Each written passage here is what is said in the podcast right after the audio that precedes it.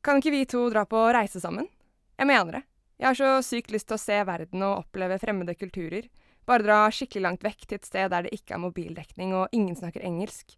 Være langt inn i jungelen og passe meg for farlige dyr, eller sandsurfe i ørkenen. Eller kanskje vi kjører moped. Skviser tre stykker inn på én moped, og det er egentlig ganske skummelt, for det er et sånt sted der alle kjører altfor fort, og vi kjenner ikke han bak rattet. Han har ikke på seg sko engang, og det er masse ulykker på småveiene der. Men så går det bra likevel, og det kommer en tropestorm, skikkelig pøsregn og torden, akkurat idet vi trår innenfor døren. Helt syk flaks, og vi kjøper hver vår nøkkelring med en liten rød Vespa i, så vi skal huske det for alltid. Kassadamen på det lokale supermarkedet tipser oss kanskje om et slott, og vi setter av en dag. Det er egentlig ganske stygt, slottet, men ingen av oss vil innrømme det.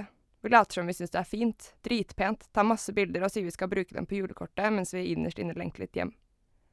En dag hilser jeg på en gatekatt, den er oransje med stripe på, og den stryker seg mot bena mine og maler når jeg klapper den. Jeg kaller den Konrad. Du sier den har sikkert arabis eller aids, og jeg ler, men vasker hendene nøye etterpå, googler symptomer og ligger våken om natta. Vi drar på markedet og spiser geitehale. Geitehale er en del av kulturen her, og vi er åpne for å lære.